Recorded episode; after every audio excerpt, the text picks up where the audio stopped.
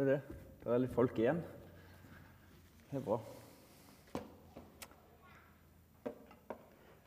Nå setter jeg opp de to lysene der. Jeg tror jeg må ha vekk det fatet. Så har jeg med, jeg har med en stol.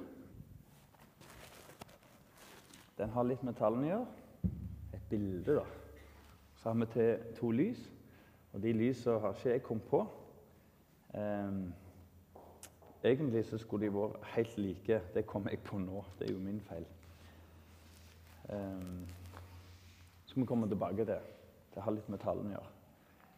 Ja.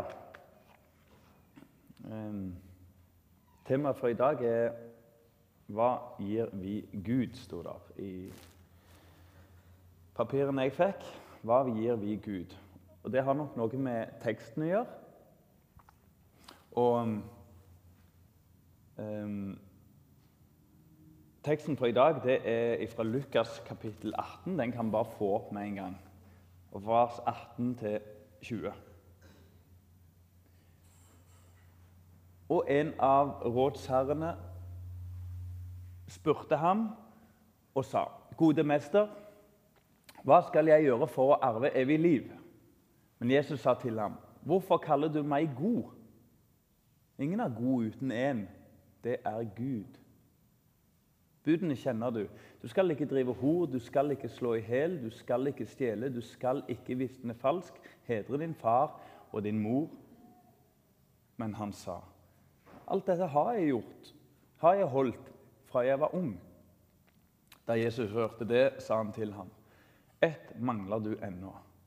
Selg alt det du eier, og del ut til de fattige. Så skal du få en skatt i himmelen. Kom så og følg meg. Men da han hørte dette, ble han dypt bedrøvet, for han var meget rik. Da Jesus så det, sa han hvor vanskelig det er for dem som er rike, å komme inn i Guds rike. Da Jesus så det, sa han hvor vanskelig det er for dem som er rike, å komme inn i Guds rike. Ja, for det er lettere for en kamel å gå gjennom et nåløye enn det er for en rik å komme inn i Guds rike. Da sa de som hørte det, hvem kan da bli frelst?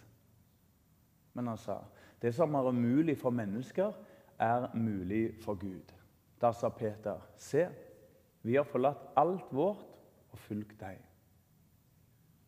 Han sa til dem, sannelig sier dere, det er ingen som har forlatt sitt hus eller hustru eller brødre eller foreldre eller barn for Guds rikes skyld, som ikke skal få det mangedobbelt igjen her i tiden og i den kommende verden evig liv. Herre Jesus, legger vi resten av dagen i dine hender. Så ber vi deg ta vare på våre barn. Og så ber vi deg at flere i Klepp, flere i Norge, må ta imot deg. Så ber jeg deg om en ting til. I ditt navn, Jesus, så ber jeg deg om at du åpenbarer teksten for oss i dag sånn som bare du kan, og din ånd. Amen. Er det bare Unnskyld, Arild. Er det bare jeg som hører at det er en klang? Hm? Er det det som er galt? Å, kjære folk. Hjalp det? Jeg håpet det var din feil, jeg, Arild. Ja. Mm. Ja. Ja, det står to lysestaker på hver Ja, Vigdis, gratulerer med dagen. Er du her? OK, vi er gift på det ja, 16-17 år. mm. Heldige Vigdis, som de sier. Ja, filler at de ikke var her. Um, hvorfor står det to lysestaker på hver side av alteret i ei kirke? Har dere sett det? To sånne kraftige. Én på hver side.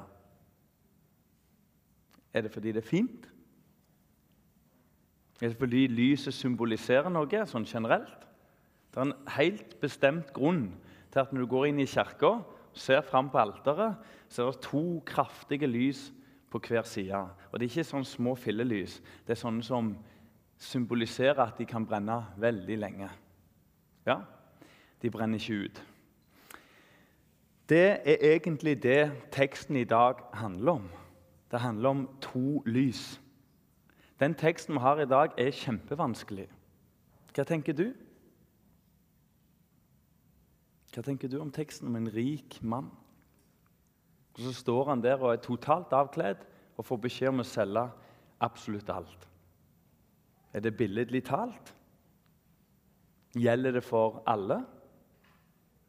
Vi vet jo at eh, apostlene de, eh, Det kan du lese om i Matteus, at apostlene de solgte alt, og så hadde de en kasse. Det var jo det som felte Judas. Det var jo denne felleskassen.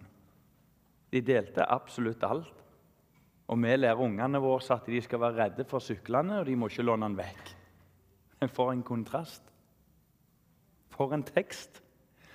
Og så er det akkurat som jeg aner at teksten sier noe mer enn om at du skal selge alt du har.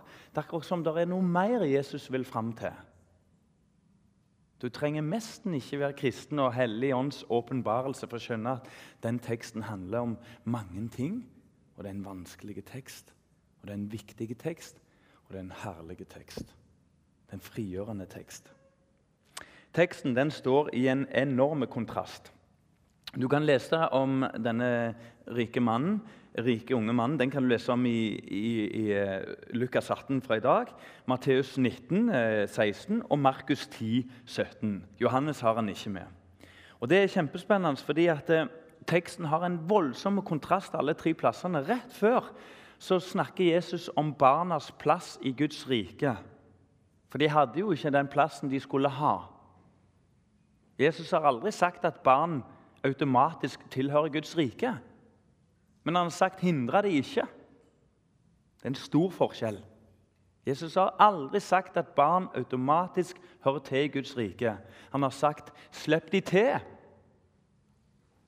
Ikke hold de borte fra meg, de òg skal få møte meg. En fantastisk tekst. Om å bli som et barn, snakker Jesus. Så enkelt. Å bli som et barn er å være en kristen. Og så får ikke Jesus avslutta denne talen før han sier i teksten det er umulig å bli en kristen. Forstår du den som kan?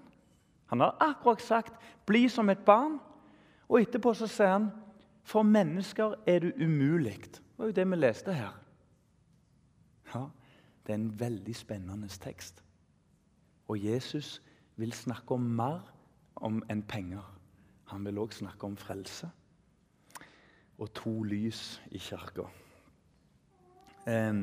Det som er litt spennende, det er at eh, de tre plassene i Matteus, Markus og Lukas som skriver om den rike unge mannen, de har ganske forskjellige detaljer med.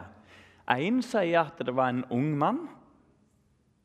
Har du lest i Dagens Næringsliv? Så liksom Hver gang utpå våren en gang, så kommer det en sånn tåpelig artikkel om de rike unge i Norge. Hva er poenget med det? Å ja, de er unge. Og så er de ofte arvinger, mange av de, og så er det noen nyskapere. Men liksom Hva er poenget? Det er jo bare begjær. Dagens Næringsliv er knallbra avis, for den har virkelig gode nyheter. Mye av det tjafset som fins andre plasser. Uff. Men de der artiklene, ung og rik, hva er poenget? Det er bare tomhet. Bare tomhet. Men så har de med noen andre detaljer. Én sier at den unge mannen er en rådsherre. Og ung på gresk, Det ordet som blitt brukt på gresk om ung, betyr at han var en plass sånn 20 til 28 år. Ca. der en plass. Det har jeg lest. Tell this on English. Ja. I tillegg så er det en merkelig liten detalj fra Markusevangeliet. Markus' evangeliet. Der står det at at den unge mannen kom løpende og falt på kne. Ikke det noen sier det, det er så mye feil i Bibelen, sier en. Ja, det kan virke sånn. Fordi de skriver ikke det samme. Vet du hva folk som jukser, gjør i et vitnesbyrd? De vitner og forteller akkurat det samme. Det er sånn politiet avslører svindel. De sier akkurat det samme. Og når du begynner å nøste litt, så revner det. Markus han så en liten detalj. Han fikk sikkert med seg det faktum at Jesus var på vei ut fra Jeriko. Han akkurat talt om barns plass i Guds rike. Så han på vei ut, så han sikkert gått der og tenkt og grubla. Han har all businessen sin, han har rådsherregreiene, han har alle tjenerne. Det er så mye det er travelt å være rik. Og så kommer han på jeg bare må få tak i Jesus før han går. Og så springer han. Jeg hørte en andakt der vi ble utfordra på å se for oss denne mannen. Den lille detaljen som Markus får fram. Se for deg denne Han er jo en rådsherremann. Den viktigste mennene i Israel. Og så kommer han på galopp diagonalt over gata. Han mister alle hemninger. Bibelen har fire evangelier, og gudskjelov for det. Vel, man var en ung mann, og han var en rådsherre. Eh, hvordan tenkte og hvordan var denne mannen? Hvis vi får Markus kapittel 10, vers 20-21, så begynner vi å bli litt mer kjent med han. Han sa til ham, 'Mester' Og det er her alt går galt, skjønner du. Alt dette har jeg holdt fra jeg var ung. Da, så, Jesus på ham, fikk han skjær. Og han sa til ham, 'Én ting mangler du.' Dette var en ung mann som holdt buda. Av og til blir jeg litt i tvil når jeg hører sanger og når jeg hører forkynnelse. Det virker ut som en prøver å si at jo mindre du holder buda, jo nærmere er du Gud. Er det noen som kjenner seg igjen? Jo mindre en bryr seg om Bibelens bud, påbud, forbud, først og fremst ti bud, liksom jo nærmere Guds rike er du. Disiplene hadde reist nå lenge. De er jo på vei opp til Jerusalem. Vi er jo på det tredje året i disippellivet. De har reist så lenge at eh, Nå leste vi fra var ikke det, Markus. Markus har vært så lenge sammen med ham at han vet hva blikk Jesus sendte over gutten, den unge mannen. Da Jesus så på ham, da så Jesus på ham og fikk ham kjær. Syntes han synd på ham? Nei, han fikk han kjær. Han fikk et spesielt syn, fordi helt fra ungdommens dager så har han lært å holde buda. Er det noen som har lyst til å tenke litt over barneoppdragelse? Vårt mål ikke er å gjøre dem til store syndere, så de får veldig bruk for Jesus. Vårt mål er å lære dem buda. Femte Mosebok skriver om dette repet, om denne pannen, om denne dørstokken og alt dette her. Likevel så er det her det går noe skikkelig galt. Gode mester, sier han i en annen evangelie. Men her står det bare 'mester'. Merkelig at Jesus irettesetter han på det. Jo, hvis det hadde vært sånn som Judas gjorde eh, så, så, Før han kyssa han, så kom han jo med nå husker jeg det ikke helt, men han kom med en veldig sånn tiltale. Store rabbiner eller gode Guds sønn eller Det står helt stilt, men han tiltaler han for det Jesus faktisk er. Men vi vet at Judas har vondt i hjertet, og Satan har overtatt hans liv. Så hvorfor begynner Jesus å, å, å irettesette ham? Og sier det at eh, det er bare én som er god. Hvorfor kaller du meg god? Var ikke Jesus god? Var ikke Jesus en mester? Jeg har lest at noen skriver det at det var sikkert fordi at rabbinerne de etter hvert fikk en sånn en ugudelig posisjon og misbrukte sånn prestetjenesten sin at de, Preste er ikke helt riktig, men lærertjenesten sin. At de ville bli tiltalt som noe mer enn det de var. Men det er ikke helt riktig. Jesus vil noe mer. Jesus sier egentlig Jeg er kommet til jord som menneske. Hvis vi snakker om mester og guddommelighet, så har ikke jeg fått det å kjempe meg til det som menneske. Hvis vi snakker om godhet, så må vi til himmelen. Jesus irettesetter jo en annen plass og sier alt jeg har fått, har jeg fått fra Gud. Det var en veldig fin andakt her på fredag. Det var Oddvin inne på det. På sitt vis forklarte han på en god måte at vi må leve ut Jesus liksom Jesus måtte la Gud, Faders vilje, leve gjennom ham. Det er bare én god, sier Jesus.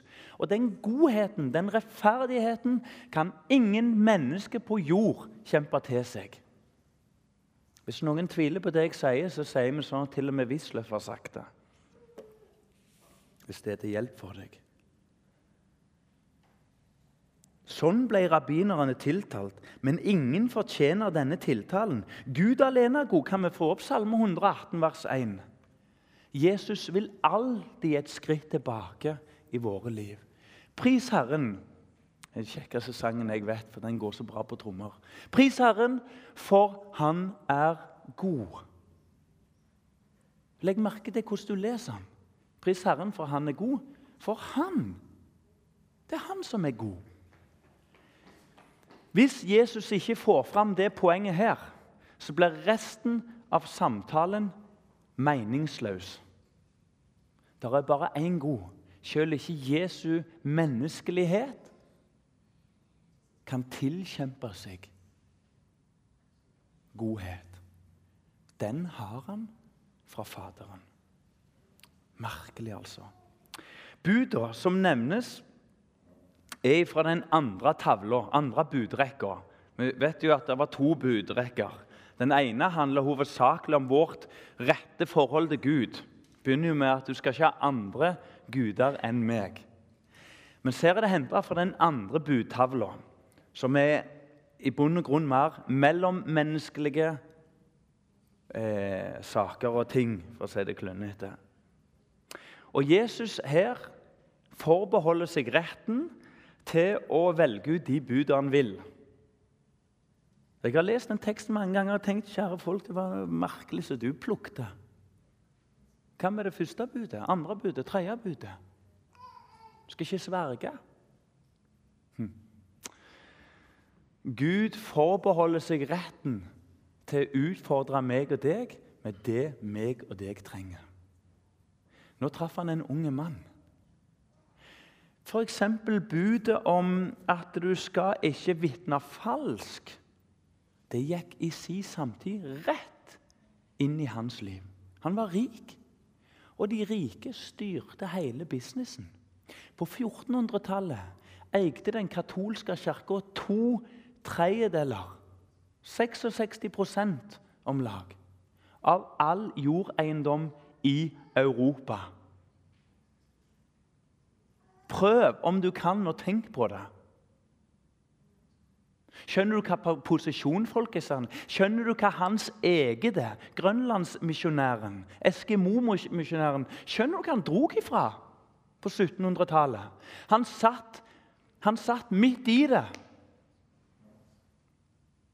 Men så var det en nød som kom over ham. Så sa han, 'Hvordan kan en være kristen uten å vinne en eneste sjel for himmelen, sa han. Kom inn over dette her. Buda. Jesus forbeholder seg retten til å velge ut de bud som er aktuelle for deg og meg. Og vet du hva?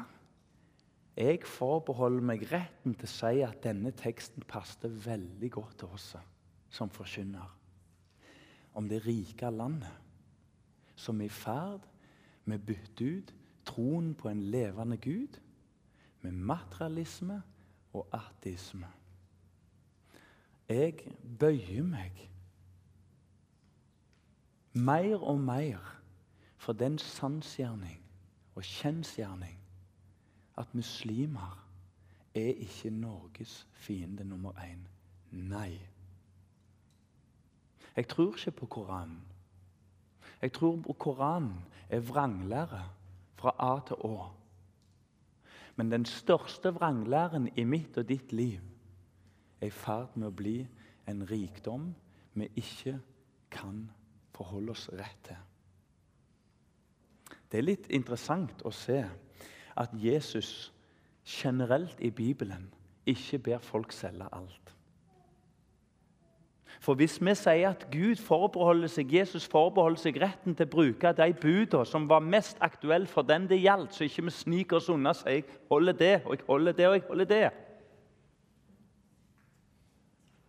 Da må vi òg ta konsekvensen av at alle trenger ikke selge alt. Det var ikke det som var poenget. Men i hans liv var det poenget. Tenk vi slår oss på brystet at vi gir 1 av bruttonasjonalprodukt til hjelp utenlands. Det er en vits. Det er en vits. Det er en skam. Hvis, hvilket aldri skjer, jeg fikk en posisjon på Stortinget, så må vi opp i 10-20% i en brennfart. Nå forbeholdt jeg meg til å si noe det var lett for alle av oss å si. For hvem ville vel ikke øke den biten? Penger i Norge i ferd med å bli det spanske gull.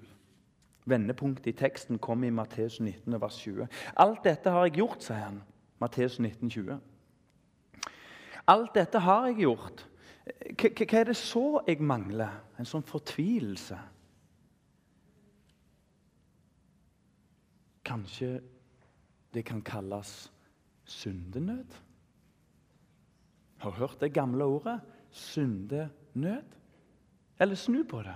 Nød over ikke alle andre sin synd, men nød over min synd og mitt liv. Han blir urolig. Og det er noe Jesus ønsker. At vi av og til blir urolige. Selv galt. Kjenn på den, sto der en plass på sånn ungdomslignende andakt siden det sto sånn. da. Kjenn på den, du som syns det er vanskelig å gi 1 av inntekta di. 1 er fryktelig mye penger når du holder det i hendene. Du som er her inne, som syns at 1 Hvis du tjener 300 000, hvor mye er 1 ikke er det 3000 kroner? Ho, oh, oh, 3000! Vet du hva? Det er nød over landet. Ikke fordi at regjeringa ikke vil gi mer enn 1% av BNP. Men fordi kristne i snitt gir mindre enn BNP til sin egen kirke. Derfor er det nød over landet. Derfor hever jeg røsten min. Hvis du har problemer med å gi 1 av inntekta di. Tygg på den, da. Som han som fikk beskjed om å selge absolutt alt. For alt er jo ikke omtrent. Det er jo, det er jo alt, det. Hvorfor måtte han så det? Du, Dette er en evangelisk tekst. En utrolig flott tekst. Hvorfor måtte han så det? Var det konkret meint? Jeg kjenner ei som går her i denne menigheten, som sa noe veldig bra for et par-tre år siden. Bibelen er ikke så vanskelig. Det var frustrasjon over samlinger rundt Bibelen. så var alt var så vanskelig. Nei, Bibelen er ikke så vanskelig. Det er ganske lett.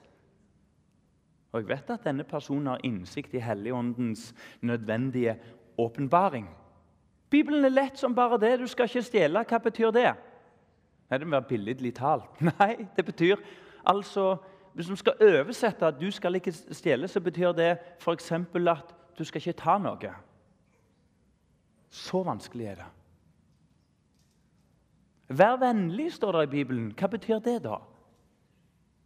F.eks. vær vennlig. Så enkelt er det. Ja, så konkret er det. Så denne teksten her, den er ikke billedlig talt. Den går rett inn i mitt liv, og den går rett inn i ditt liv. Vel, i hvert fall det som er vanskelig, det er jo mer heller å bøye seg og innrette seg, sa denne jenta som går hos oss. Og så gikk jeg hjem med tankene fulle og bøyd for Jesus. Kanskje det var Guds konkrete kall, tenker jeg heller, for denne mannen. Han var ikke bare rik. Jeg har lest eh, et ord Jeg har spurt Saki Can you tell this, this Greek word hyper, hyper uh, uh, Please. Ja. OK. Hyper? Hyper? Ah. OK. Mm. Hypersjunta står det her direkte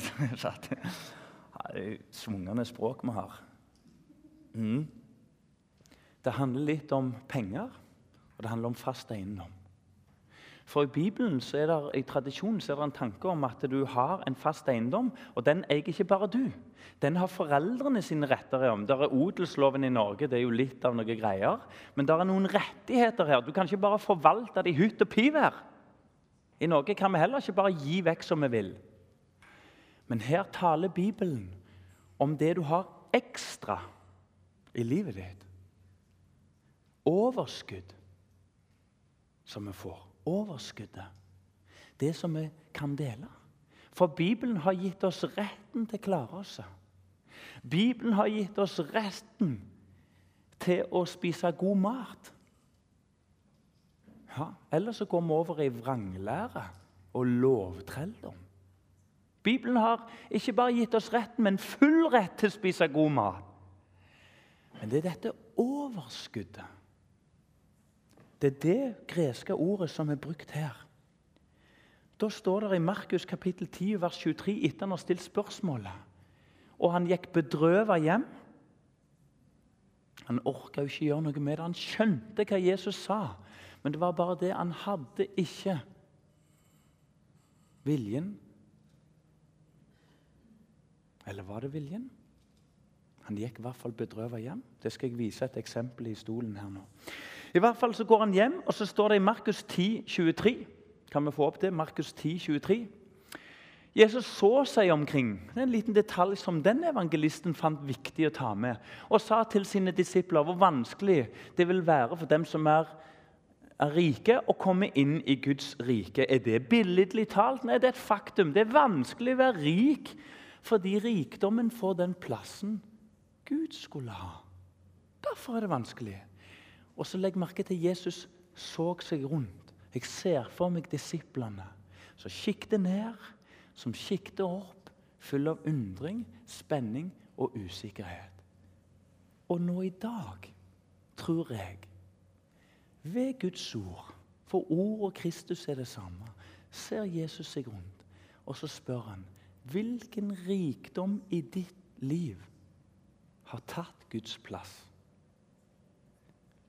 gaver, evner, tid, penger. Vi skal synge en sang etterpå som handler veldig godt om det. Har du ingen tid for Jesus?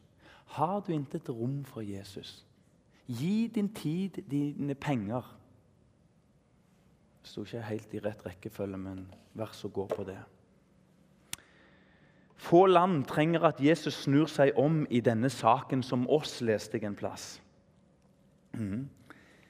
Um, derfor vil Jesus kjøre den rike mannen opp i et hjørne, selv om han hadde han kjær, selv om det var noe med hans oppdragelse hans oppvekst som var så helt, så vil Jesus i denne saken noe enda mer. Han vil kjøre han opp i et hjørne, og så vil han ha et ja eller et nei. Et ja eller et nei. Når vi går til nattverd, gikk til nattverd, så vil ikke Jesus ha imot gjester som ikke trenger ham. Da misbruker du nattverden. De som ikke trenger Jesus, kan ikke gå til nattverd. Og motsatt. De som ser på Jesus som et tillegg i sitt liv, kan heller ikke gå til nattverd. Det sier Jesus. Jesus ikke er én vei og én sannhet, men han er veien, sannheten og livet. Jesus vil noe mer her nå enn penger og evner og hva vi gir til Gud. Ok, Disiplene ble meget forferdet, står det. Meget forferdet. Og Så svarer Jesus de, så kommer Jesus med sin omsorg. Så svarer han de ikke Hør nå, hør nå. Jeg, jeg, jeg, jeg ser for meg selv som fotballtrener. Jeg hadde ikke den evnen når det gikk litt imot. Jeg sa, hør, hør nå, hør nå, hør nå. Rolig nå, samles nå, rolig nå. Men jeg skulle ønske jeg hadde Jesu evne. Så sa han, barn, sa han. Han har jo nettopp talt om barns plass i Guds rike. Fordi de ble meget forferda, så sier han barn. Og jeg kan ikke si barn, men jeg kan sitere Jesu ord og si barn. Tygg på ordet. Her møter Jesus og sier han barn. For en mester, altså. For en sann mester fra Gud. Jesus ville oppnå noe større og noe dypere.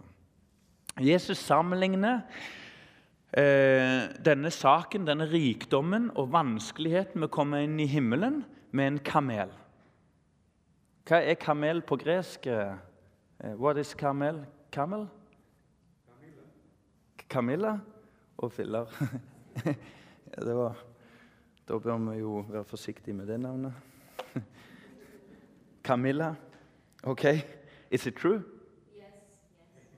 Absolutely true? OK. Here's a possibility for a joke. ok. Har du hørt den historien fra murene rundt Jerusalem? At det var visstnok noen porter som var så små at A. Kamelen måtte ta av varene oppå for å komme inn. Vi må legge av oss vår rikdom, sies det. Det er en veldig tynt bilde. Det høres bra ut, men det er veldig tynt. Fordi det er ikke rikdommen som er ditt problem for å komme inn i Guds rike. Det er du sjøl. Kamelen kan ikke komme inn. Så sier noen nei, det var det at porten var så lav at eh, kamelen måtte bøye seg. Det er bare et ørlite problem. Kameler kan ikke gå når de er bøyde, har jeg lest. Sannsynligheten er at det var aldri noen sånne ekstra lave porter. Men bildet var knallbra. Og Jeg har prøvd å lese i mange mange plasser for å finne ut var det virkelig sånne porter. Jesus snakker direkte billedlig. Rett fram snakker han. Det er umulig for mennesker. Og Han bruker egentlig et veldig komisk bilde for jødene. og For de som er vant med kamelene, Selvfølgelig går ikke det an. En stor kamel går gjennom et nåløye. Dette nåløyet var ingen liten port. Det var et nåløye. Sånn som du syr med. Og så lo de sikkert. Se pedagogen. Frustrerte var de. Og så har Jesus plass til latter. Er ikke det flott? For en Gud! For en mester! Midt oppi den fortvilte situasjonen så kom han med et sånn tullete Alle vet en kamel kan ikke gå gjennom et nåløye. Og det er hele poenget. Jesus sier at det går ikke. Jeg skal bruke et eksempel nå. Jeg har to eksempler. Jeg håper jeg får tid til det. Det er en reise hørte en forkynner som brukte det utrolig fine bildet. og jeg tror ikke det er så svagt heller. Se for deg en reise fra Oslo til Kirkenes i Nord-Norge. Helt opp. Så får du reiseruta lagt, eller du ser for deg reisedestinasjonen Kirkenes. Setter deg på toget i Oslo. Opp igjennom er det Østerdalen eller Vesterdalen, eller hvor filla går det? Og så gjennom landskapet kommer du fram til Bodø. Stemmer ikke det at toget stopper i Bodø? Og der går alle av, unntatt du. Fordi du skal til Kirkenes. Så kommer konduktøren og prøver én gang og sier det går ikke. Så kommer han to ganger og sier vil de vennligst stige av. Som de sa før i tida, i hvert fall. Til slutt må du det. Så ser du at skinnene stopper der. Og så må du ta ekspressen, bussen, videre. Så kommer du frem til Kirkenes. Et fantastisk bilde på frelsen. Et fantastisk bilde på situasjonen i vår tekst. Mange mennesker sier til seg sjøl Jeg trenger bare loven. Det er to lys i kirka. Det ene representerer Og det er ikke noe jeg mener, det har vært der i århundrer. Det ene representerer budene, loven, Guds krav til oss. Det andre representerer evangeliet. Og så står presten kaldt i midten med Guds ord, med et kall til å hjelpe mennesker i livet mellom lov og evangelium. Mange prester blir frista til å stå her mange prester blir fristet til å stå her. Du må, du må, du må. Vet du hva jeg leste på Jovas vitner? Nå heter det Brunstad. et eller annet greier. Der sto det skal vi si, Jeg måtte bare Brunstad med veldig liten skrift. Eh, kristendom ikke bare tilgivelse for synd. Smak litt på det. Headlineren for Fokus. Kristendom ikke bare tilgivelse for synd. Snakk om å plassere seg her. Lyset er jo dukta helt utføre. Der er jo ingen ikke bare tilgivelse I beste fall så er det komplett hjelpeløst. Elendig forkynnelse. Så har du andre. Du har f.eks. han eh, Åge Ålekjær. Han har forresten jobbet i NLM, visste dere det? Ja, han har skrevet ei bok som heter 'Fullstendig frihet'. Vet du hva han sier? Han sier det er tre typer lov. Der er den alminnelige lov, lovens første bruk. Det er ikke så lett å henge med for meg eller oss alle andre. Men i hvert fall der er, der er en lov som gjelder for alle mennesker, så ikke vi slår hverandre i hjel. Ja, det er sant. Og så har du jødenes lov, Moseloven. Ja, den er sant. Og det var den han nå levde under, siden han var jøde. Det er utrolig hvordan når du kommer med en feil teologi, uheldig teologi, hvordan du må snu og vende etter hvert som du møter enkeltsituasjoner. Dette er mitt syn på saken. Dette er mitt syn på saken. Så sier han det videre òg, at den tredje loven det er Kristi lov. Hørtes ikke det flott ut? Vi kristne trenger ikke lenger de ti bud. Det kan vi bare ta vekk. Jødene trenger det fortsatt, for de er jo jøder. Eh, hvordan han vil forklare det for en messiansk jøde, det sier jeg lykke til. Men loven den setter vi vekk. Den trenger vi ikke lenger, for nå har vi Kristi lov. Og Det har han lest hos Kenneth Hagen, for han siterer Kenneth Hagen i USA og sier det at du er din egen gud. Hvem trenger da loven? Du kjenner den jo sjøl. Du er jo loven. Du er jo Guds ord. Så hvem trenger fra nå av buda? Det er et ønske om at Jesus skulle bli viktig, og så er det total bom. Det er et ønske om å være evangelisk, og så er det total bom. Jeg har hørt gode talere av Åge Ålekjær om andre ting, men ikke om dette. Guds lov sier ikke hva man skulle ønske et gjennomsnittsmenneske med rimelighet kunne oppfylle. Den tvert imot sier hvordan et menneske må være for å passe hos Gud. Skjønner du?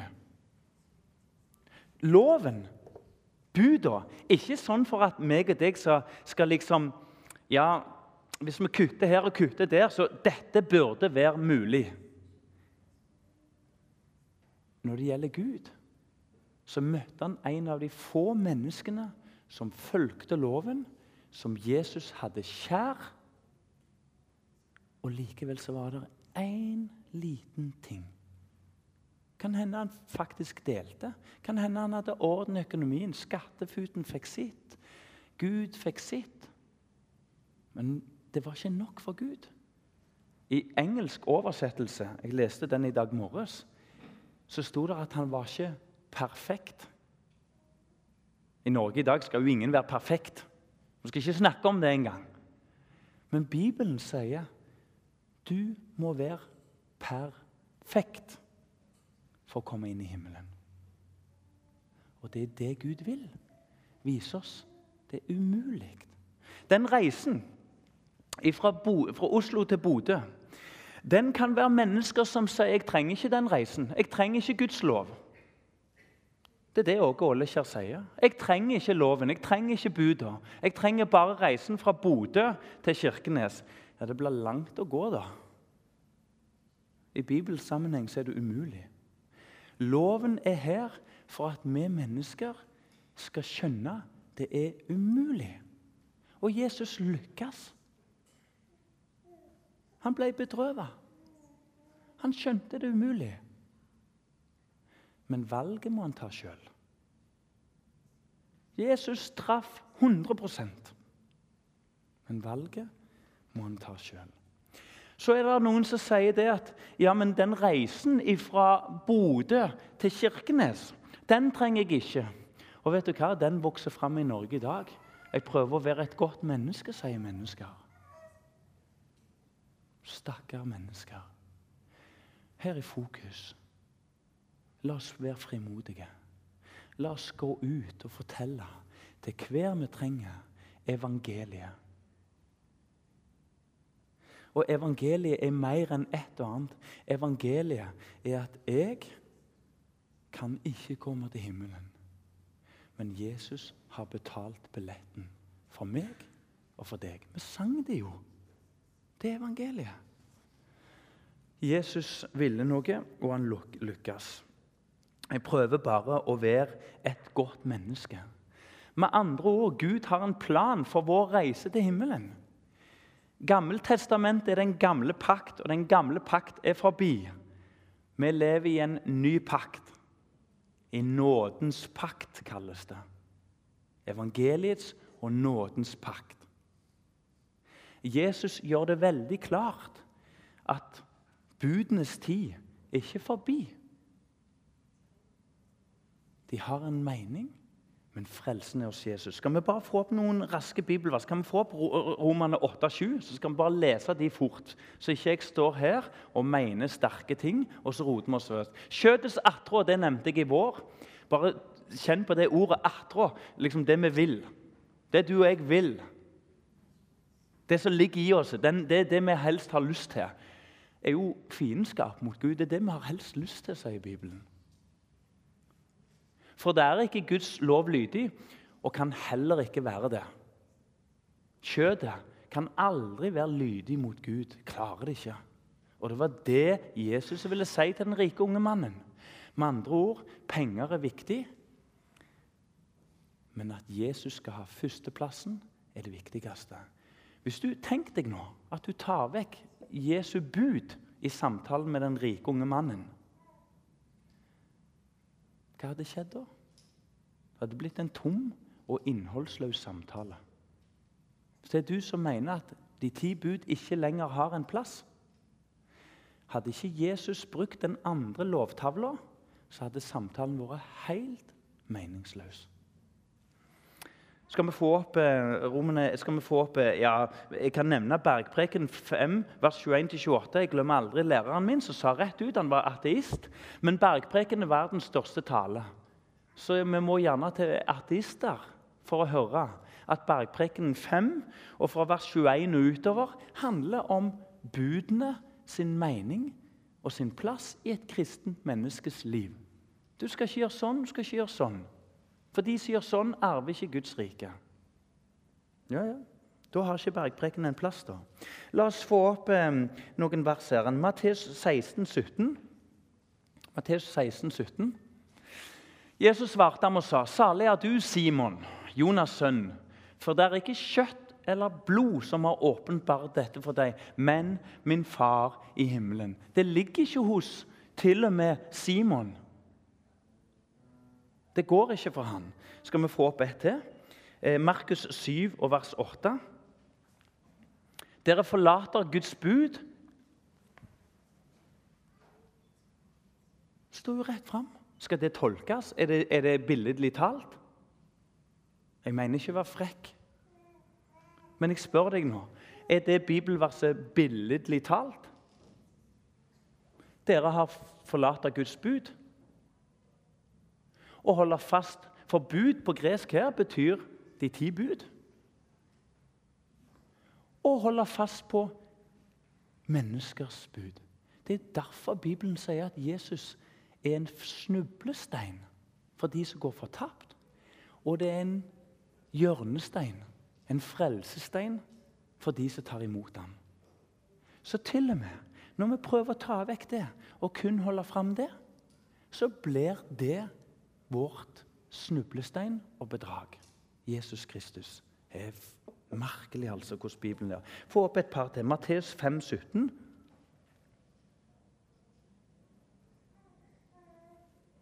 Dere må ikke tro at jeg er kommet for å oppheve loven eller profetene.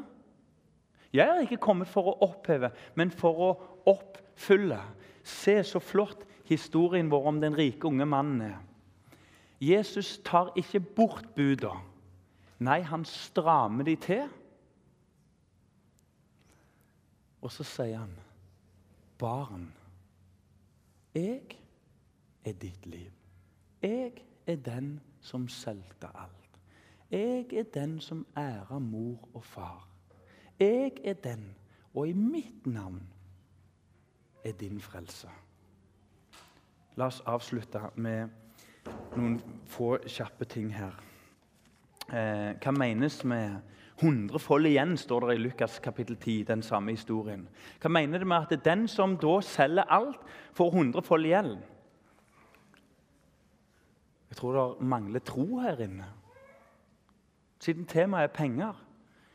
Hvis du syns det er vanskelig å gi hundrelapper til Guds rike, eller det som står i forhold til din inntekt og forhold til ditt overskudd Hvis du syns det er vanskelig, kanskje du mangler tro? Mm. Fordi Da kan vi spørre spørsmålet er det der hundrefold igjen? Er det det samme som det som skjedde med Jobb, som heter Jobbs syvdobbelte rikdom? kan du lese om Jobb, vet du, som var veldig rik. Og så kommer problemene, og så kommer vennene med dårlige råd. Og til slutt så velsigner Gud ham og gir han syvdobbelt igjen. Er vi lovt det? Dessverre nei. Dessverre nei. De fleste første kristne de ble hengt enten beint opp ned eller på et eller annet kors til ydmykelse. Jeg tror ikke de ble huska for rikdommen sin. Flere av dem var rike når Jesus traff dem. Men vi har lov å ta imot eldre menneskers råd og erfaring som sagt du blir ikke fattig av å gi. Jeg husker når jeg kom hjem til mine svigerforeldre, så snakket stadig svigerfar Nei, du blir ikke fattig av å gi. Sant? Er det en lov i Guds rike? Nei, men det er en erfaring som jeg tror jeg tør stille meg bak. Du blir ikke fattig av å gi noe som helst i Guds rike. Men når Gud gir hundrefold igjen, så gir han det du ikke visste var rikdom tilbake. Her er det mye å få med seg. Hva kan vi gi til Gud? Nei, dypest sett ingenting. Men vi kan gi tilbake til mennesker. Jeg står i gjeld, sier Paulus. Legg merke til hvordan Paulus konkluderer om det å gi. Kan du gi noe til Gud? Mange nye sanger handler om alt vi gir til Gud. De gamle sangene handler om alt Gud ga til oss. Litt veldig grovt forenkla. Det er mange gode nye sanger òg. Og mange dårlige gamle. Jeg står i gjeld, sier Paulus, både til greker og barbarer, både til vise og uvise. Du har en gjeld, du som har møtt Jesus. Hvem er den til? Våre venner. Hvordan skal gjelden betales? Gjeldsbrevet ble naglet til korsets tre og står uten eh, Nei, unnskyld. Eh, Romerne 1,15. Kan du slå opp den til slutt? Eh, for den glemte jeg. Romerne 1,15.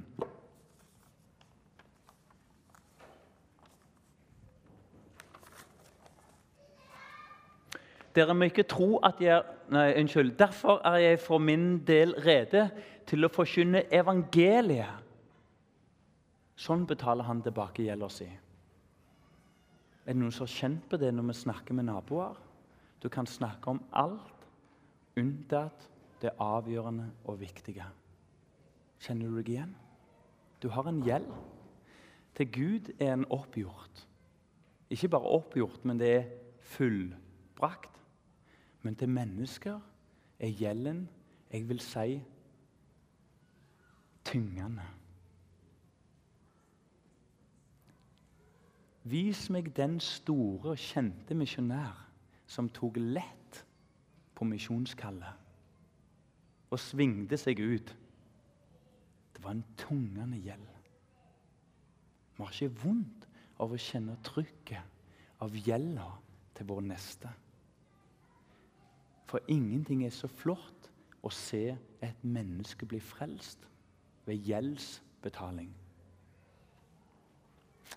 Bartimeus ropte 'Davids sønn'. Husker du han blinde? Jeg tror vi dropper stolen, vi har ikke tid til det.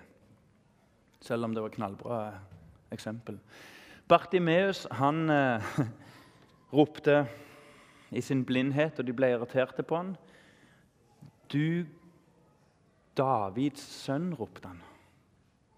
Han hadde ingenting. Så erkjente han Jesus som frelse. Den rike mannen ropte 'Gode mester'. Han hadde alt og mista